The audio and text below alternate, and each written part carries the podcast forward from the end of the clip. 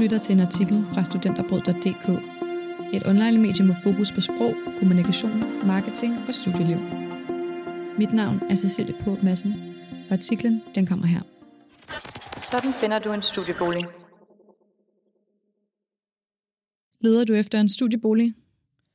Du er måske træt af at bo med dine vildt irriterende roommates, eller også er du ved at flytte hjemmefra for første gang. Uanset årsagen guider studenterbrød dig til, hvordan du opfylder drømmen om at flytte i en studiebolig. Hvorfor vælge en studiebolig?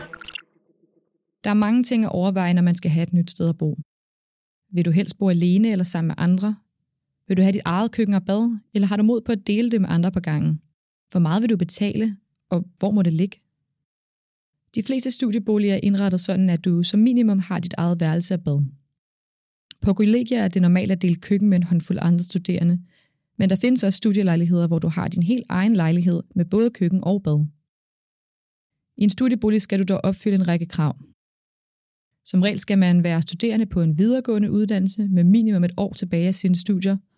Du skal være mellem 18 og 35 år, og du må ikke tjene mere over et bestemt beløb om året. Vær opmærksom på kriterierne for den specifikke bolig eller forening, du skriver dig op til.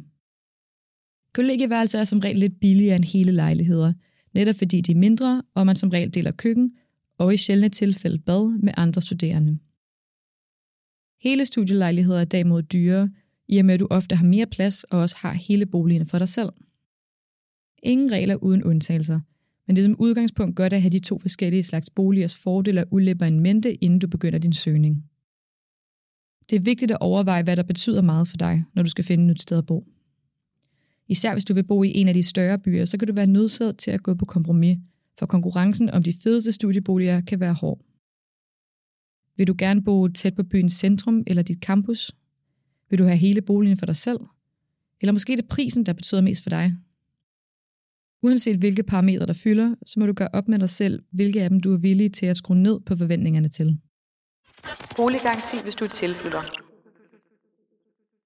Der er flere byer, der har enten boliggaranti eller såkaldt tag over hovedgaranti for studerende, der flytter til byen. Det kan være en kæmpe hjælp i ræset om at finde en bolig, da du via garantien har noget at falde tilbage på, hvis ikke du når at finde noget i tid til studiestart.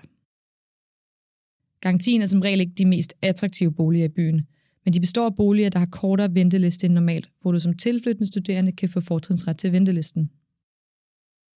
Du kan læse mere om boliggarantien i henholdsvis Aarhus, Aalborg og Odense via links i tekstversionen af artiklen.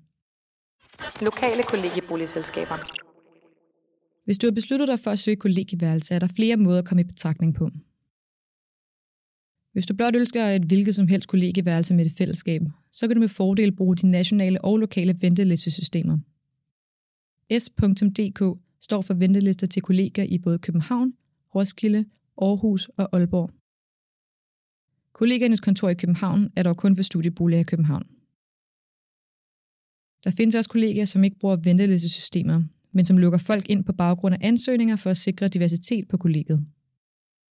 Hvis du har set dig lun på en specifik lokation eller et kollegie, så kan det være værd at undersøge, om man kan komme i betragtning ved at skrive en motiveret ansøgning direkte til kollegiet. Hos de fleste ventelister kan man skrive sig op enten 3 eller 6 måneder inden man starter, eller forventes at starte på dit studie, også selvom du ikke har fået din optagelse bekræftet. En helt studiebolig.